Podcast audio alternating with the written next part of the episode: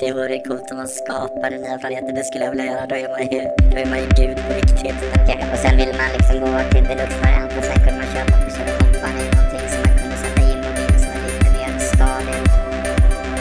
VR demokratiserar eh, världen på ett sätt.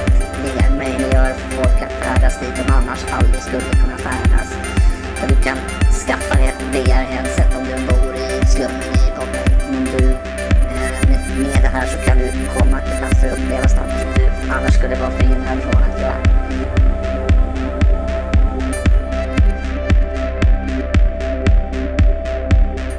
Hjärtligt välkomna ska ni vara till det här första avsnittet av Perspektivpodden, en podd om virtual reality. Och eh, här i ett virtuellt rum just nu för att spela in är jag, Thomas Sjöberg. Och jag, Marcus Landström. Och jag, Claes Holmlund. Och jag tänkte först att vi kunde kanske prata lite om varför den här podcasten heter Perspektivpodden. Så Claes, du kanske kan ge bakgrunden och tankarna lite.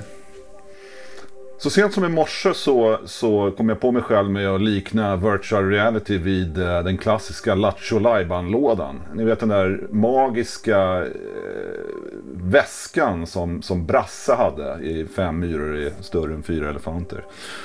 Så man öppnade och där fanns det alltid någonting helt fantastiskt som man inte förväntade sig. Och det, det tycker jag att eh, VR representerar. Det är en Lattjo låda fylld av helt nya upplevelser, eh, helt nya perspektiv.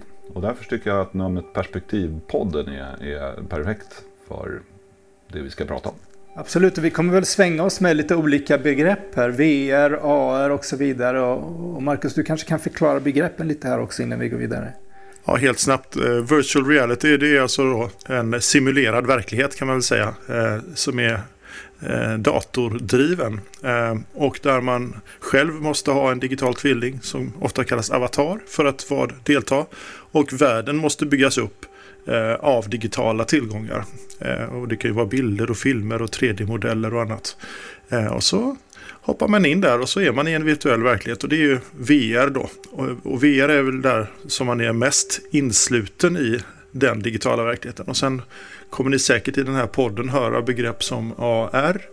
Eh, och det står för Augmented Reality. Och det är mer att man använder digitala komponenter i en fysisk värld. Alltså via till exempel glasögon som kan visa information. Eh, där, ja, adressinformation eller andra etiketter och sånt där. Så AR är en, en del av, av det här som vi kommer att prata om också. Eh, annars, och det kommer säkert dyka upp flera begrepp, kanske återstående eller återkommande punkt att prata om nomenklatur här. Eh. Absolut.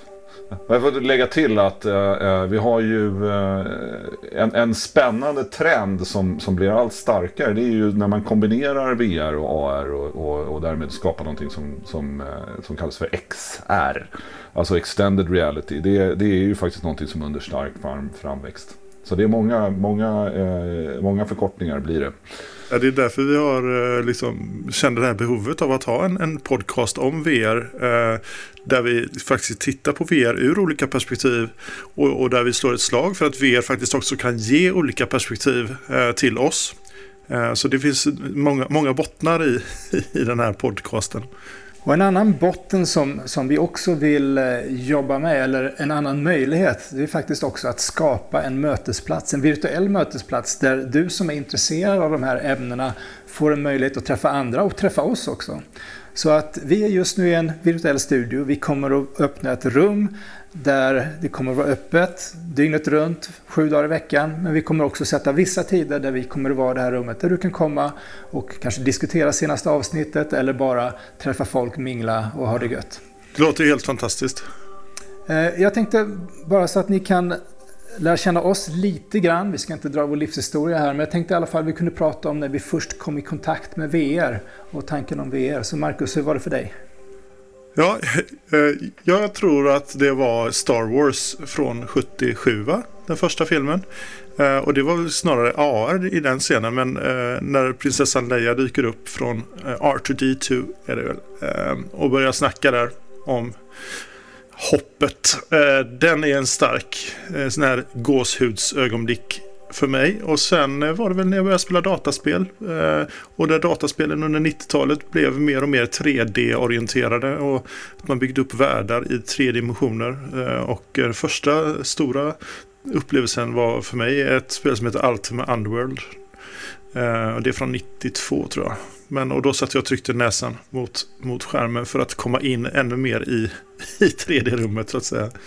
Och, och nu då Eh, så är det väl mer att eh, eftersom jag träffade Klas, kanske kan återkomma till det sen, men träffade Klas i november för ett år sedan exakt och han satte på mig ett VR-headset och eh, sen har inte jag tagit av det i princip. Utan jag fastnade helt och hållet i, i, i den här nya virtuella världen. Okej, okay, och hur var det för dig Klas? Ja, alltså eh, precis som eh, Marcus eh, och du och många som säkert lyssnar på den här podden så är jag, jag, jag är datanörd. Jag, jag har spelat dataspel sedan man fick stryk för att man ägde en dator. Eh, och på 80-talet då när jag satt i mitt lilla pojkrum så spelade jag ofta ett, ett eh, 3D-spel som hette Elite. Och eh, i det här spelet då så sitter man och tittar på extremt rudimentär 3D-grafik och flyger runt i ett rymdskepp. Och, och, min dröm var att en vacker dag sitta i det här rymdskeppet, kunna titta mig omkring i cockpiten och, och, och, och verkligen uppleva att få vara i den här världen. Eh, och i julas då när jag köpte en speldator till min son, för att det var ju min son och inte mig själv jag köpte speldatorn till givetvis. Eh, så fann jag mig själv sittandes i Elit, i cockpiten på det här rymdskeppet. Och då insåg jag att i detta nu så realiseras en, en pojkdröm. Eh, det första gången jag kom i kontakt med eh, VR eh, så som vi känner det idag, det var 2013 när jag fick testa ett Oculus Rift. Eh, och eh, då kände jag att nu är vi på väg mot den verkligheten som jag har drömt om sedan jag var ett litet barn. Thomas, vad, vad har du för erfarenheter och liksom, var kommer din VR-passion ifrån? Ursprungligen. Jag har alltid varit intresserad av science fiction och superhjältar och sån verklighetsflykt. Och kom man till virtual reality så var det nog holodeck i Star Trek. Där man kunde skapa upp olika världar, röra sig där, gå på äventyr och så. Så att eh, det har väl funnits i bakgrunden. Eh, och sen när jag pluggade så hamnade jag i en tvärvetenskaplig utbildning eh, i mediateknik på LTH. Och där var ett av de främsta dragplåsterna ett virtual reality lab, så det lät ju fantastiskt spännande. Eh, men jag kan konstatera efter tre år där så tror jag aldrig jag var inne i labbet. Det var väldigt, väldigt så här bara för forskarna. De satt och det var programmering och det var jättekomplicerat. Och sen kom internetboomen där och då var man mer kanske uppslukad av möjligheterna där som kändes mycket mer, mycket mer tillgängliga. Jag hade också idéer att man skulle skapa eh, skattjakter i, i typ lösningar med VRML och, och så vidare. Så att de här 3D-världarna har alltid fascinerat. Nej, men sen såklart, det har ju funnits filmer. Jag menar, Gräsklipparmannen är ju en sån milstolpe skulle jag säga, där man ändå fick eh, se vad det skulle kunna vara när man har sådana omnidirectional, eller man snurrar runt och man flyger och upplever en helt annan verklighet. Nej, men jag tycker att det är så kul just med, med eh, Lawnmower Man då, som ju ändå släpptes 1992. På alla sätt en ganska lökig film. Eh, men det är ofta den filmen folk refererar till när de, när de säger att de vet vad virtual reality är för någonting. Därför att eh, det han gör där, det är ju det vi gör idag med utrustning som är alltså förvirrande lik det vi har. Men 1992 var det helt och hållet mer eller mindre science fiction. Det var ju hittepå. Men det var tillräckligt bra hittepå för att man skulle verkligen tänka så här, ja, men det finns någonting som heter virtual reality. Precis, och jag kan bara konstatera att sen har jag på något sätt dragits till det här genom åren. Eh, när man väl kunde börja få lite virtual reality-upplevelser via sin mobiltelefon genom att stoppa in det i en sån här ska man säga, papplåda, sån här Google Cardboard, så testade jag det. Okej, okay, och sen ville man liksom gå till deluxe-varianten. Sen kunde man köpa på Kjell Company någonting som man kunde sätta in mobilen som var lite mer stadigt. Eh, sen så när, eh, när det släpptes till PS4, när, när PSVR kom, så skaffade jag det. Står och samlar damm nu, jag använde det bara ett fåtal gånger. Eh, det var väldigt krångligt tyckte jag med massa sladdar överallt och sensorer och sen Sen så eh, blev jag faktiskt lite illamående i vissa spel där också. Sen av någon anledning sen så skaffade jag en Oculus Go. Jag har ju känt till Oculus men hela den här Oculus Rift-delen kändes lite för komplicerad. Jag hade ingen speldator och sådär. Men Oculus Go, med den kunde man ju göra lite mer 3D-saker och när jag testade den så såg jag att det var ett pokerspel och jag, jag älskar att spela poker. Eh, och när jag spelade där också så märkte jag också att det här var ju socialt. Och jag vet att jag kom till finalbordet i någon turnering och så satt jag där med två 60-åriga gubbar och satt och gaggade. Och så bara tänkte jag, men det här, det här är ju fantastiskt. Eh, och sen hörde jag då hur snacket gick där och det var någon dam som började prata om att är det är ännu häftigare om man har en Oculus Quest, för då kan man spela Pokerstars VR och allt, allt möjligt. Så att eh, då började jag titta på det och där öppnades en helt annan värld vad VR kunde vara. Jag vet inte hur det var för er när ni först fick på er en Oculus Quest. Nej, men jag, jag har också eh, en likartad eh, erfarenhet av, av ja, men också det här Playstation VR som står precis bredvid mig här och, och samlar damm. Eh, och jag minns den här, den här fantastiska vägen som har varit då sedan 2013 till idag. Som jag har beskrivit egentligen två stycken delar. Den ena var jätteenkel, lättillgänglig för alla. Så till pass att man till och med hade headsets gjorda av papp.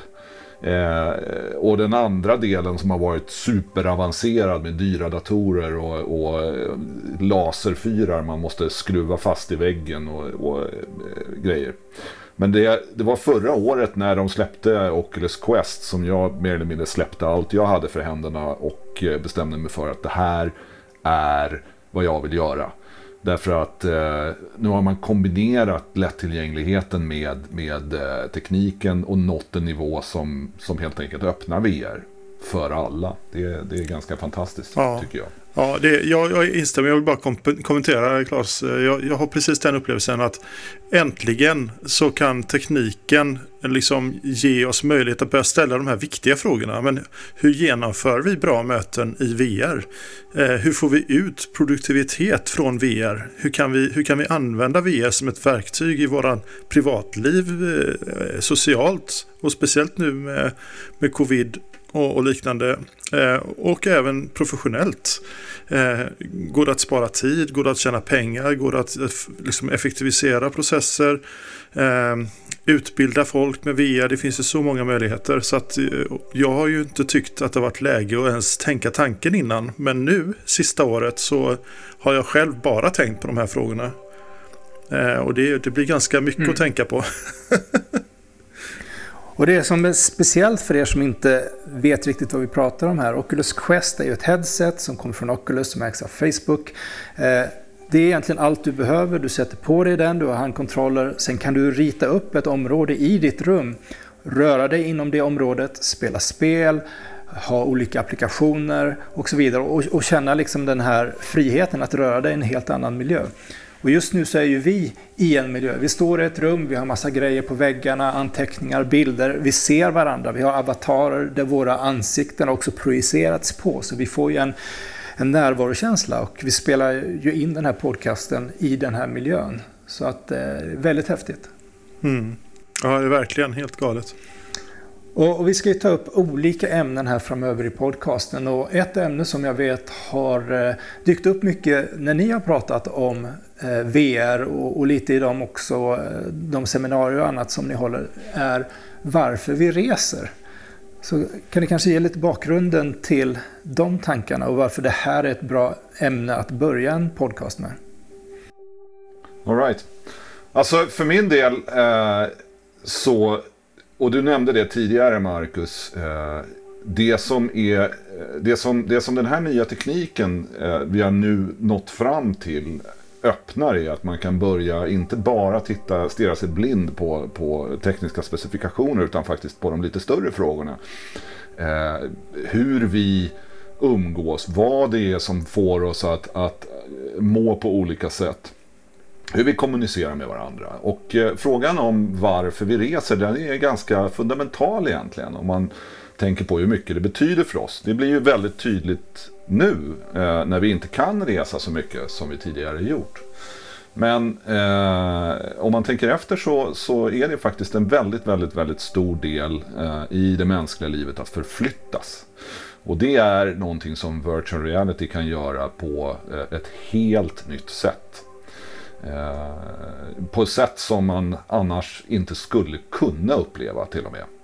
Eh, och där, här tror jag att det finns väldigt, väldigt, väldigt spännande saker i vår nära framtid. Och vi ser också här i de här tiderna också att företag börjar ju hålla olika typer av virtuella event. Det är ju mycket Zoom och webinars och så vidare. Marcus, vad är det som funkar bra i VR och vad funkar mindre bra som det är idag?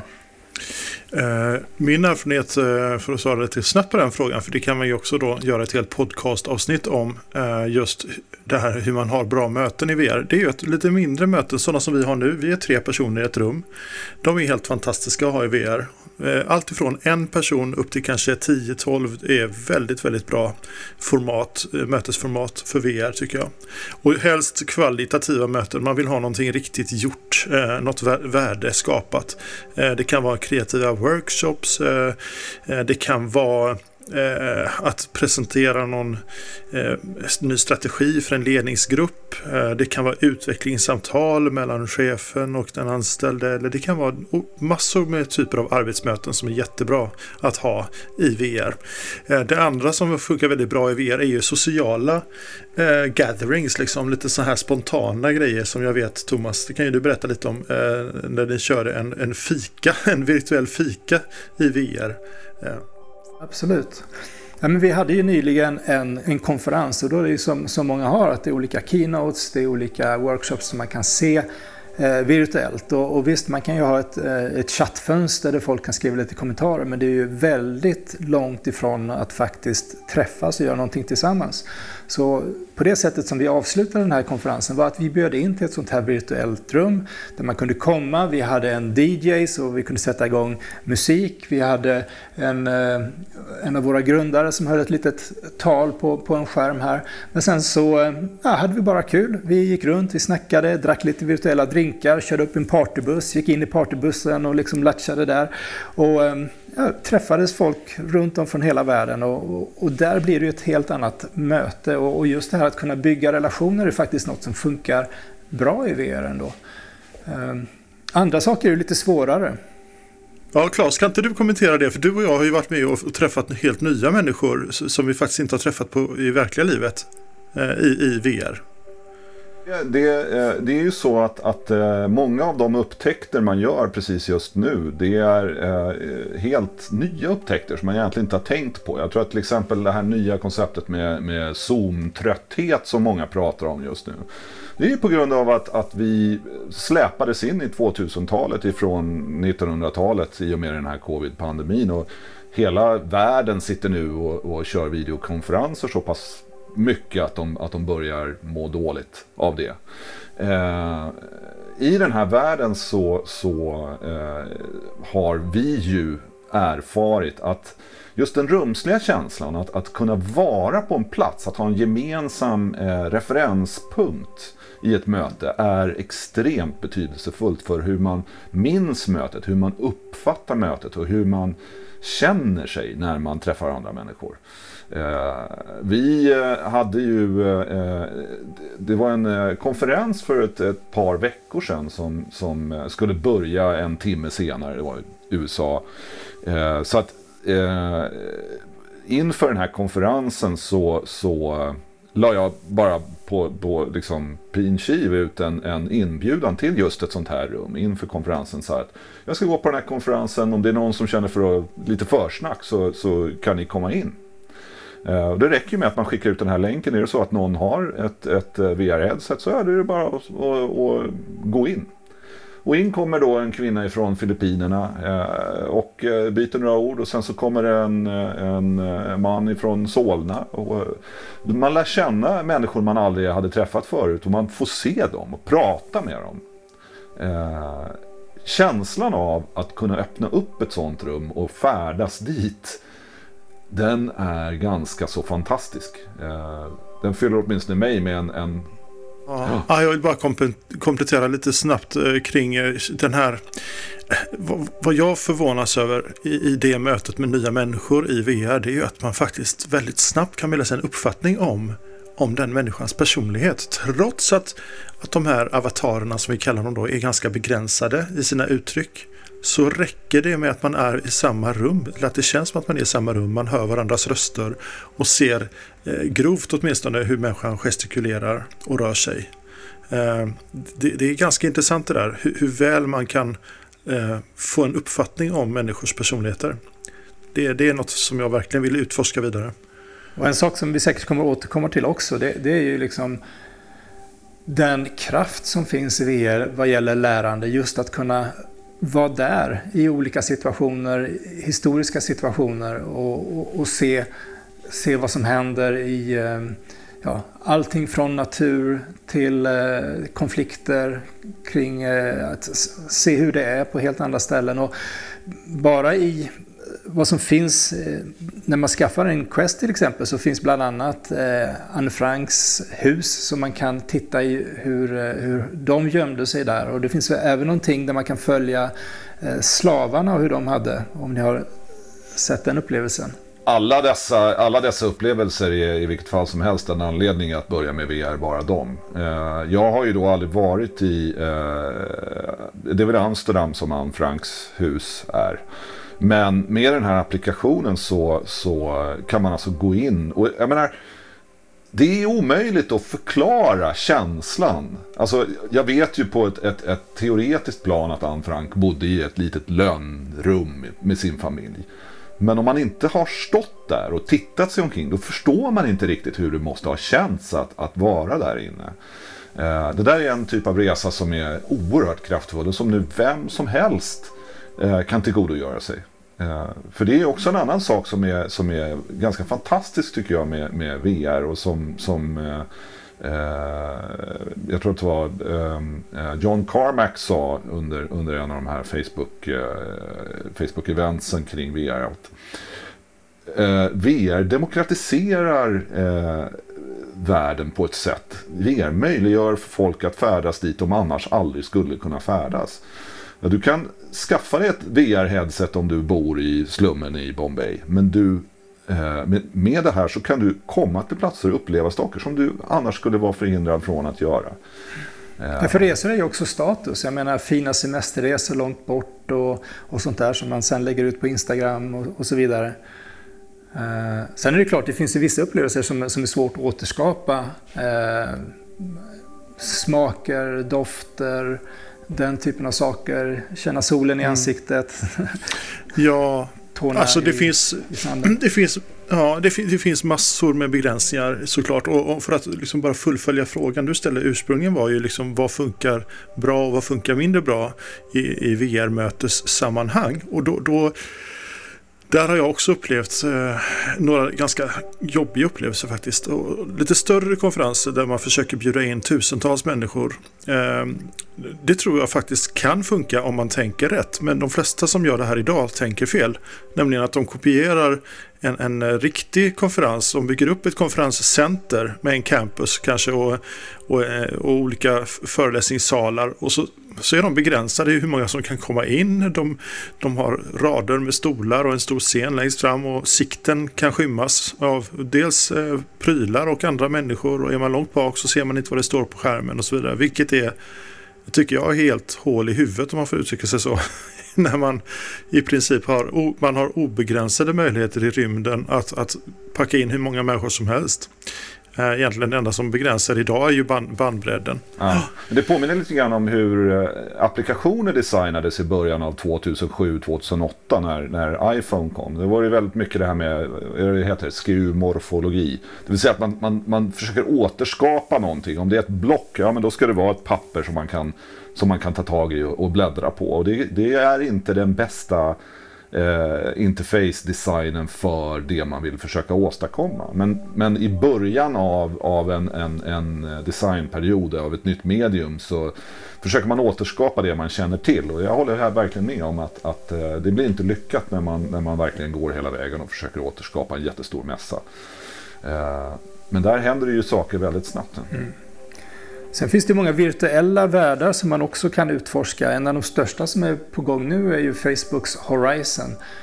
Som ni har sett Ready Player One så fanns det ju Oasis som var den där stora virtuella världen som, som alla liksom både gick i skolan och spelade och levde i. Och eh, det finns ju många olika initiativ, många olika världar. VR Chat är en av de större och så vidare. Det finns Rec Room, det finns Altspace och där finns det ju fantastiskt mycket att gå på upptäcktsfärd och eh, upptäcka om man vill göra det virtuellt. Inte kommit till Sverige än, tyvärr. Nej. Än. De håller sig i USA verkar det som. Jag, jag är lite osäker på det. Eh, Men det, det verkar vara att de flesta som är med nu är amerikanska medborgare. Mm. Nej men så är det, de har inte släppt upp det för Europa än. Men det är, det är väldigt spännande tycker jag någonstans att se, eh, för det finns ju flera sådana eh, virtuella världar. VR-chatt är en av dem. Eh, det finns ett, ett ett Playstation 4-spel som heter Media Molecule Dreams. Som också fungerar i VR. Och sen så har vi då Horizons där man sätter så att säga skaparverktygen i händerna på ja, vanliga människor. Och det som händer då är att, att man ser hur oerhört geniala människor som finns där ute. Eh, och har tid och vilja att skapa grejer eh, till, de här, eh, till de här världarna.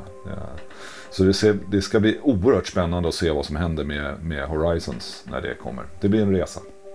Och Marcus, har inte du spelat det här rymdspelet där man åker ut och, och liksom, säga, skapar nya planeter? Det det vore coolt om man skapade nya planeter. Det skulle jag vilja göra. Då är man ju, då är man ju gud på riktigt. Okej, man kanske bara liksom eh, utvecklar befintliga planeter då? Nej, men det, det, du tänker på No Man's Sky. Eh, Det, det, Ja, är ett, det, är ett, det är ett spel som genererar ett, eh, i princip ett oändligt universum med parallella galaxer som man kan flyga ut med sitt lilla rymdskepp och upptäcka. Och varje planet som sagt blir helt unik med sin eh, hur de ser ut med både djurliv och växtliv och så ska man, ja, för det första ska man överleva, för det andra så ska man ju eh, bygga sig en ekonomi, kanske bygga sig en bas eller två eller, tre och så ska man ju också utforska då allt liv och så tjänar man pengar på det eller credits eh, på det och, och dessutom så är det multiplayer. Och där är det väl så att man kan egentligen hålla på hur länge som helst utan att träffa någon annan? Eller? Ja, precis. Jag har ju eh, spelat sedan det släpptes och det är flera år sedan. Jag tror det var, vad var det, 2016 kanske. Och från början var det inte VR utan då var det bara på en vanlig plattskärm. Och, och jag träffade ju inte en människa eh, förrän de släppte möjligheten att faktiskt aktivt söka upp andra spelare. Då började jag träffa andra spelare. Så att, ja. Mm. mm. Ja, men det, är ju, eh, eh, det där är ju ett exempel på den typen av spel där man kan, eh, som man kan resa till och sen aldrig lämna.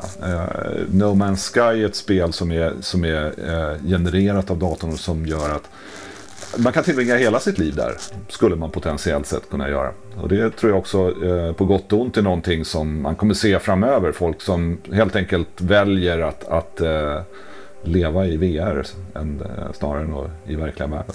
Men man kan tänka sig att det kan vara väldigt beroendeframkallande. Det, det är ju väldigt mycket intryck, det är starka intryck. När det kommer att komma mer haptisk feedback, när man kan aktivera fler av sina sinnen så kommer det ju vara ännu mer eh, ja, överväldigande eller ännu mer någonting som man går igång på. Så. Ja, jag, vill, jag vill bekräfta att det är beroendeframkallande men jag vill också eh, då ifrågasätta eh, om det nu finns folk där ute som tycker att det låter farligt eller att eh, liksom, vända det till något negativt. För att eh, det, som, det som det ersätter för mig är ju att kunna resa på semester. Du var inne på det själv Thomas, att man kan ju inte riktigt uppleva den här sand mellan tårna, värmen och, och så vidare.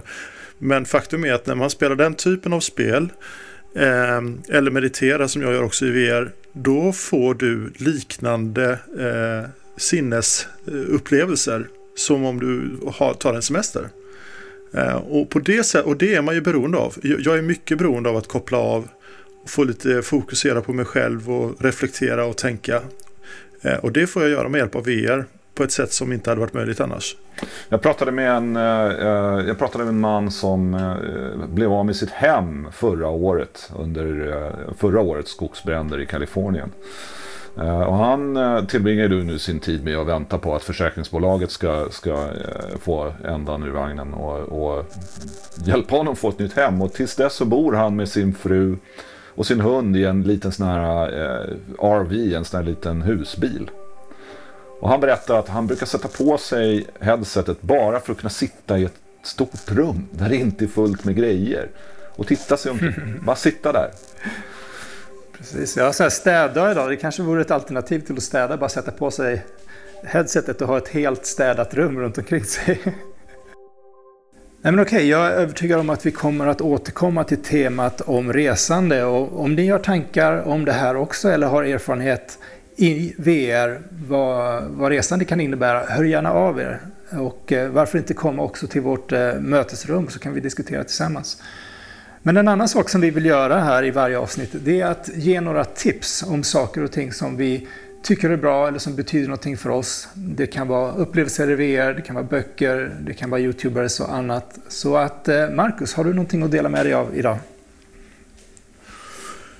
Det har jag och för att chocka er båda här så har jag tänkt om. Jag vill ha två tips. Eh, eh, man skulle ha ett tips, nu har vi två. Jag har två. Jag kan ju inte faktiskt eh, börja min tipspremiär här utan att nämna Oculus Quest eh, och då specifikt Oculus Quest 2 som är den nyaste och också billigaste eh, versionen av Oculus Quest. Eh, den är ju, utan den så är ju inte det här vi gör möjligt om man ska vara helt frank. Sen finns det naturligtvis andra teknologier och andra alternativ och fler blir de varje dag. Men just nu är det den jag vill tipsa om. Eh, och det är det ena tipset. Det andra tipset är att jag som sagt eh, mediterar faktiskt eh, dagligen mer eller mindre i en applikation på just Quest som heter Trip. T-R-I-P-P. Och den tycker jag själv är helt fantastisk.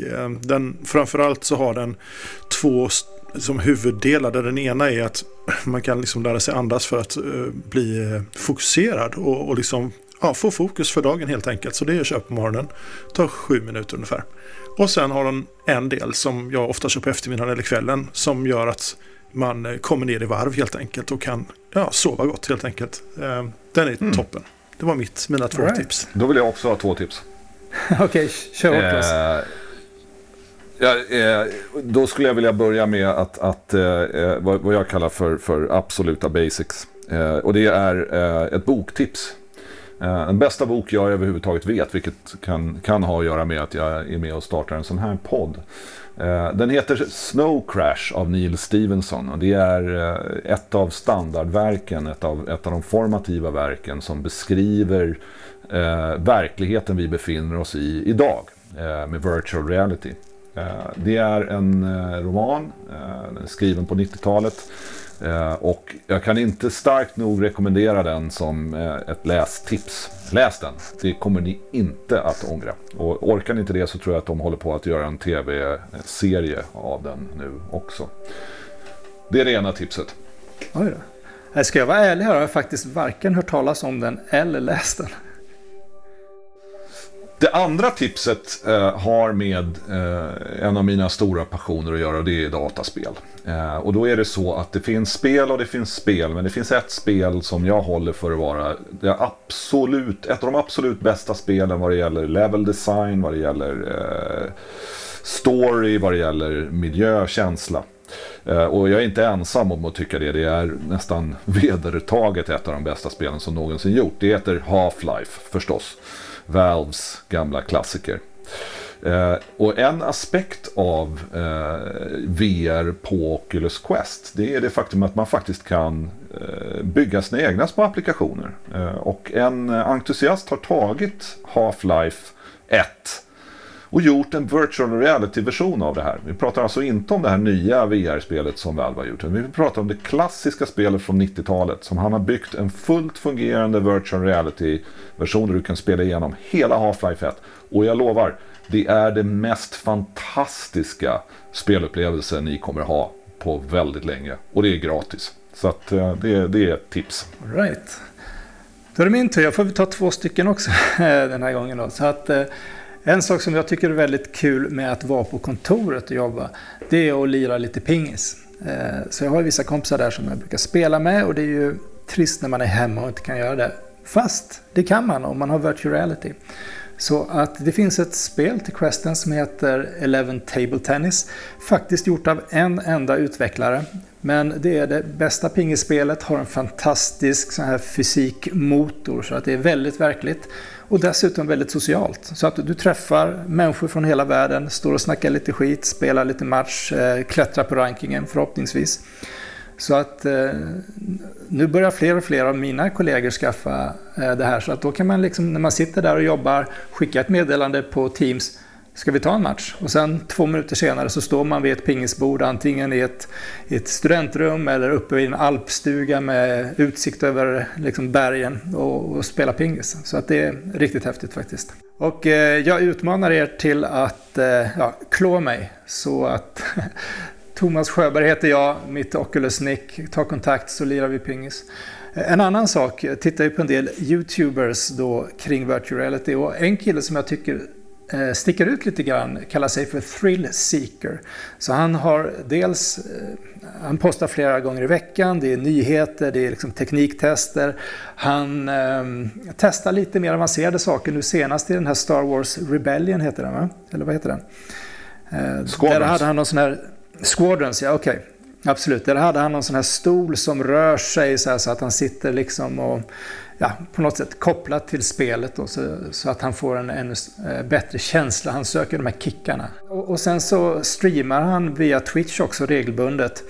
Eh, och då streamar han som en animeflicka med full body tracking. Så han håller ju på att dansa runt där och, och, och så, så, det är verkligen en mindfuck att liksom se honom prata om virtual reality-utveckling samtidigt som han ser ut som en liten anime-tjej. Ehm, men, uh, ja, men så det är häftigt. Han gör det via VR-chat och den här full body trackingen är riktigt imponerande. Så ett, ett annat eh, tips, kanske lite udda men i alla fall. Bra tips Thomas. Grymt. Men jag tror vi börjar närma oss slutet av dagens avsnitt. Och eh, Marcus, om man vill komma i kontakt med oss på olika sätt, var hittar man oss på nätet? Eh, ja, eh, jag tycker det enklaste och bästa och enda egentligen sättet just nu som är färdigt för oss det är ju att gå till vårt Instagram-konto som heter Perspektivpodden såklart och finns på Instagram. Så det är bara att söka efter Perspektivpodden på Instagram, addera eller följa då så följer vi tillbaka om ni är snälla. Och eh, där kan man ju också då kom kommunicera eh, i den kanalen via chatt och, och sådär. Eh, sen har vi på gång eh, att vi ska sätta upp eh, en sajt såklart för podcasten och Facebook-närvaro och LinkedIn-sidor och allt vad man nu ska ha. Eh, och förutom det så har vi ju då eh, den här meetupen som du Thomas pratade om i början eh, kommer ju ske i ett rum på Spatial. Och Spatial är en VR-app för möten. Ehm, och vi öppnar ett rum som kommer vara öppet 24 timmar om dygnet, sju dagar i veckan. Ehm, och det kommer också heta Perspektivpodden och en länk till det kommer ni hitta i anslutning till den här, till den här podden. Så med det så är vi färdiga för den här gången. Claes, har du några avslutande ord? Inga andra än att det är väldigt roligt att uh, få sitta här med er och uh, se fram emot att göra fler avsnitt av den här podden.